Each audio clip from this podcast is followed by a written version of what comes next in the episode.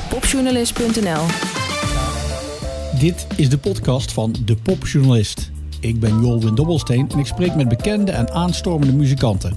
Leuk dat jij geïnteresseerd bent. Je gaat zo luisteren naar een gesprek met... Milo Meskens. Het interview begint over uiterlijk 30 seconden. De Popjournalist. Ook voor uw presentatieplus, promotiepodcast of voor de omlijsting van uw feest als DJ. Kijk voor de mogelijkheden op depopjournalist.nl slash inhuren.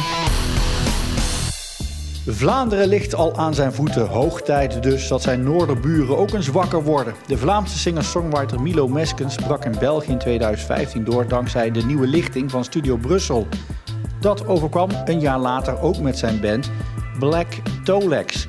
In 2016 verscheen ook de song Here With Me en eind 2018 werkte hij met DJ Reggie, bekend van Milk Inc. Samen brachten ze Ordinary uit. In dat jaar verscheen ook zijn debuutalbum Contrast.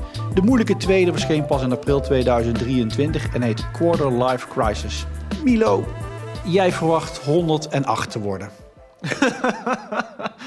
Uh, ik hoop het niet. Het leven is anders uh, al goed of niet goed genoeg geweest op 28-jarige leeftijd. 108 is misschien een beetje overdreven. Ja, ik had gerekend. Je hebt op, op je 27e het album uitgebracht. Je spreekt over een quarter life crisis. Ja, dan denk ik, ja, dan ben je dus een kwart oud. Dus dan word je 108. Ik heb het wel geschreven als ik nog geen 28 was. Dus misschien, uh, misschien is daar mijn, uh, mijn rekening een beetje fout gegaan. Maar wat gaat er nou gebeuren? Je spreekt nu over een quarter life crisis. Het dertigersdilemma komt er ook nog aan. Oh ja, ja, er is nog altijd genoeg reden om uh, triestig te zijn in de komende plaat ook. Uh, dus de quarter life crisis was misschien maar gewoon het begin van uh, alle crisissen die er nog zitten aan te komen als eind jaren twintiger. Heb je dat verdriet nodig om te kunnen schrijven? nee, ik heb eigenlijk onlangs ook een, een, nummer geschreven dat... Um, ik ben niet zo heel goed in liefdesnummers schrijven. Ik, ik heb er nog niet zo heel veel geschreven omdat ik het altijd heel moeilijk vind om het evenwicht te vinden tussen iets dat cheesy is en klef en, en iets dat toch mooi en romantisch kan zijn. Misschien daardoor dat het ook veel makkelijker is om negatievere nummers of verdrietigere nummers te schrijven. Um, maar ik ben er nu toch in geslaagd om een nummer te schrijven die dat evenwicht vindt, dat, dat positief en romantisch is en toch bij mijn inziens nog niet te klef is. Dus wie weet is de derde plaat wel optimistisch. Maar je gedijt beter bij hartzeer. Misschien heb ik tot nu toe gewoon vooral veel hartzeer gehad om over te, uh, te schrijven. Ik denk dat ik, ik, schrijf over wat er op mijn pad komt. Ik schrijf over wat, wat ik meemaak. Het is altijd autobiografisch op een of andere manier. Ik schrijf ook niet om nummers te schrijven. Ik schrijf ook gewoon om dingen kwijt te kunnen. En tot nu toe is dat vooral uh, negatief geweest. Wat maakt jouw leven dan zo'n ellende? Misschien moet ik dat toch even verpakken. Mijn leven is niet permanent ellendig. Ik denk gewoon, uh, ik ben als persoon bij mij weten niet super negatief of donker of uh, pessimistisch. En dat komt ook wel doordat ik alle pessimisme kan steken in muziek. Ik denk dat dat een hoekje is in mijn leven, muziek, waar ik al die donkere dingen kan verzamelen en kan uiten. En dat is dan ook uit mijn systeem. Dat zorgt er ook voor dat ik daarnaast veel gelukkiger en jovialer kan zijn dan dat ik anders misschien zou zijn als ik uh, gefrustreerd en kranky zou zijn uh, zonder muziek. Je hebt gewoon een melancholische inborst. Muzikaal zeker. Ja, muzikaal zeker. Uh, er zit wel een, een zweem van nostalgie in, uh, in mijn zijn. En, uh, dat, dat zal misschien ook wel altijd zijn. Maar dat hoeft ook niets negatief te zijn. Ik denk dat dat ervoor zorgt dat je bepaalde dingen naar waarde schat die er misschien nu niet meer zijn. en dat heeft ook wel iets moois. Maar is het zo dat jij een krantenbericht leest en dat dan van je af moet schrijven? Of ja, hoe werkt zoiets?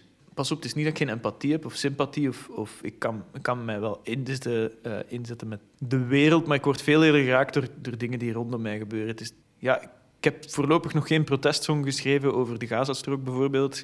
Ondanks het feit dat hij mij dat, misschien wel raakt. De dingen waar ik over schrijf zijn dingen die veel nauwer aan het hart liggen en veel meer, um, veel meer mijn dichte leven zitten. Ik heb, uh, de Quarter Life Crisis ging onder andere ook over samen zijn met iemand met een suicidale depressie en alles dat daar rondhing. Dus dat is veel dichter bij huis dan wat er in de krant staat. Verwerk je dan je eigen uh, ja, moeilijkheid die je ervaart met zo iemand samenleven? Of is het uh, uh, ook wel zeg maar, bedoeld als steun aan, aan, iemand die met die problemen kampt? Absoluut dat tweede. Ik, ik begin een nummer uit iets zelf kwijt te moeten. Maar ik hoop wel, mijn, mijn doel van het schrijven is niet om iemand anders te helpen, maar mijn doel van het uitbrengen wel. Ik schrijf het omdat ik het kwijt moet, maar ik breng het uit en ik, en ik probeer het met de wereld te delen in de hoop dat mensen die dezelfde problematiek ervaren of in dezelfde situatie zitten, um, uiteen, waar ik het over, over heb in mijn songs. Ik hoop vooral dat mensen die het, hetzelfde ervaren of de situatie herkennen, er steun en troost in kunnen vinden. Bedoeld als steun of voor jezelf ook als therapie, zo'n lied schrijven? Beide. Muziek is sowieso wel een beetje therapie en het afschrijven is, is ook wel een vorm van dingen, dingen kwijt kunnen en dingen kunnen loslaten. Maar ik moet ook wel zeggen dat uh, muziek schrijven kan nooit echte therapie vervangen. Ik raad het ook iedereen aan die, die ongelukkig is of, of die met dingen worstelt, om ook gewoon echt naar een psycholoog te gaan en echt therapie te zoeken. Heb jij iemand bij wie jij zeg maar een klankbord vindt? Zeker. Ik, uh, ik ben omringd. Ik ben zeer blij en gelukkig om omringd te zijn door fantastische mensen waar ik zowel op mijn professioneel als persoonlijk leven, familie, vrienden, crew. Uh, ik kan alleen maar dankbaar zijn voor de mensen die in mijn nabije omgeving uh, staan. Was Quarterlife Crisis de beruchte moeilijke tweede plaat? Toch wel, toch wel. Het, het was bij mij een zoektocht. Enerzijds ik heb heel veel songs geschreven, dus het was niet het schrijfproces dat moeilijk was, maar het was wel moeilijk voor mij om te kiezen welke kant ik uit wou muzikaal. Je haalde het daarnet al aan dat ik uh, mijn eigen plaat heb gedaan, maar ik heb ook een, een, een in België een best grote hit gescoord. Uh, best groot, statistisch gezien de grootste uit 2019 met een DJ, dus dat was heel commercieel. Maar eigenlijk ben ik opgegroeid als, als bluesgitarist. Ik heb in bluesrockbands gespeeld en, en ik heb in cafés en bluesclubs gaan spelen. En dat, dat is eigenlijk waar mijn hart een beetje lag. En die tweede plaat was voor mij moeilijk om te beslissen welke kant wil ik uit. Wil ik, wil ik verder gaan op het elan van het, het commerciële succes en, en wil ik die radio's gaan najagen en die hitlijsten? Of wil ik gitarist zijn waar ik eigenlijk mijn hart een beetje aan verloren heb. Aan het gitaarspelen en de bluesmuziek en, en soul en, en oude dingen die misschien nu niet hip zijn, maar wel een pak tijdlozer en misschien op lange termijn ook wel uh, een duurzamere carrière. Dat was voor mij veel moeilijker dan het schrijven zelf. Ik denk, ik is het produceren van de plaat de moeilijke tweede plaat geweest. Maar als ik die tweede plaat beluister, dan hoor ik niet een bluesplaat. Nou ja, of de blues moet zitten in het schuren van de onderwerpen ook, ik denk dat ik uh, getracht heb om een soort moderne interpretatie van de blues te proberen zoeken. Een soort crossover tussen die wereld van pop-songwriting, waar ik wel van hou, nog altijd. Want ik heb nog altijd een heel grote liefde voor pop-songwriting. En ik vind ook blues hoeft voor mij niet hetzelfde te zijn als wat het in 1933 was. Toen was Robert Johnson en heel die... Ja, we zitten gewoon in een heel andere wereld. We zitten ook in een heel andere technologie om muziek mee te maken. Het zou bijna jammer zijn om om niet een soort voortzetting van hetgeen er was te, te proberen zoeken. Dus ik denk dat voor mij de essentie van blues draait altijd rond authenticiteit en emotie. En inderdaad, ja, de, de schurende uh, onderwerpen, zoals je daarnet zei, zijn voor mij wel een soort link naar die blues, maar ook wel gewoon de, de gitaarsolo's en de manier waarop de, een nummer Fool bijvoorbeeld, dat is gewoon een bluesnummer met een pop-refrein, bij wijze van spreken. Dus dat is die crossover tussen mijn blues-achtergrond en mijn, mijn ervaring als pop-songwriter is wel een beetje samengesmolten tot de sound van wat deze plaat uiteindelijk is. Aan wie ben jij schatplichtig? Veel mensen, ongetwijfeld. Uh, John Mayer is mijn grote voorbeeld geweest. Jason Isbell heeft ook heel veel geïnspireerd voor deze plaat.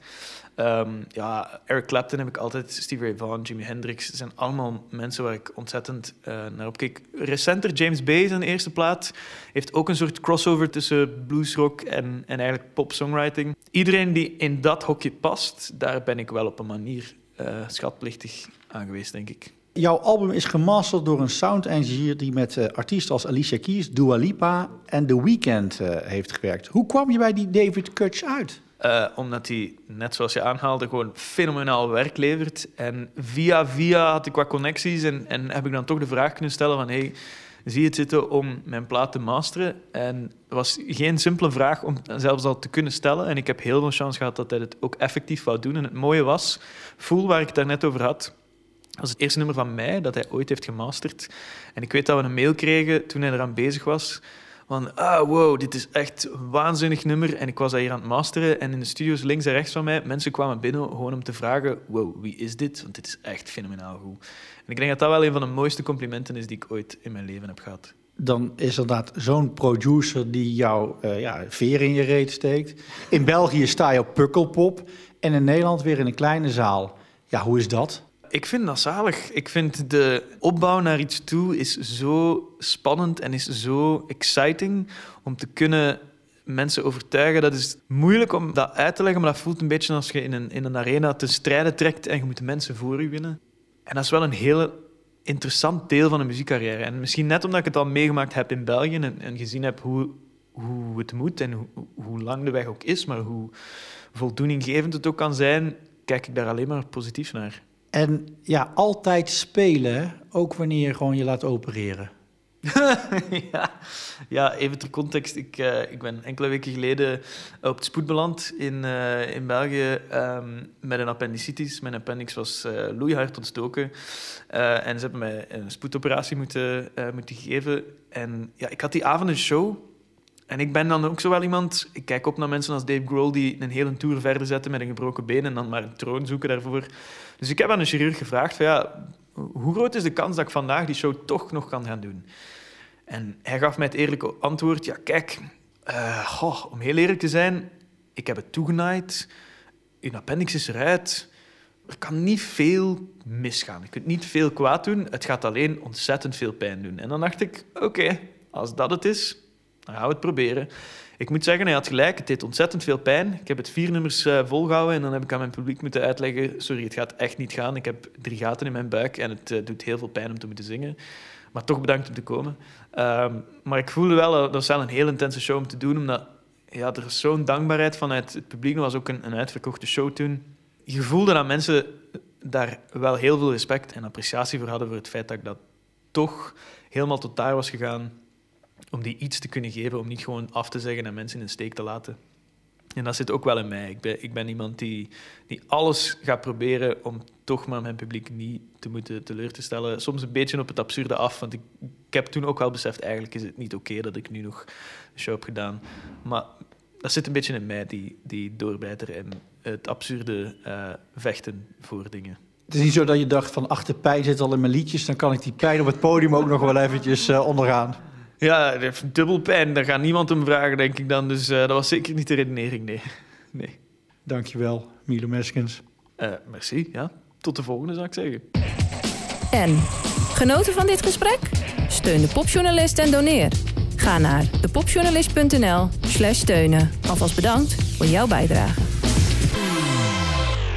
De Popjournalist. Je hoorde een gesprek met Milo Meskens. Ik ben Jolwin Dobbelsteen, de popjournalist.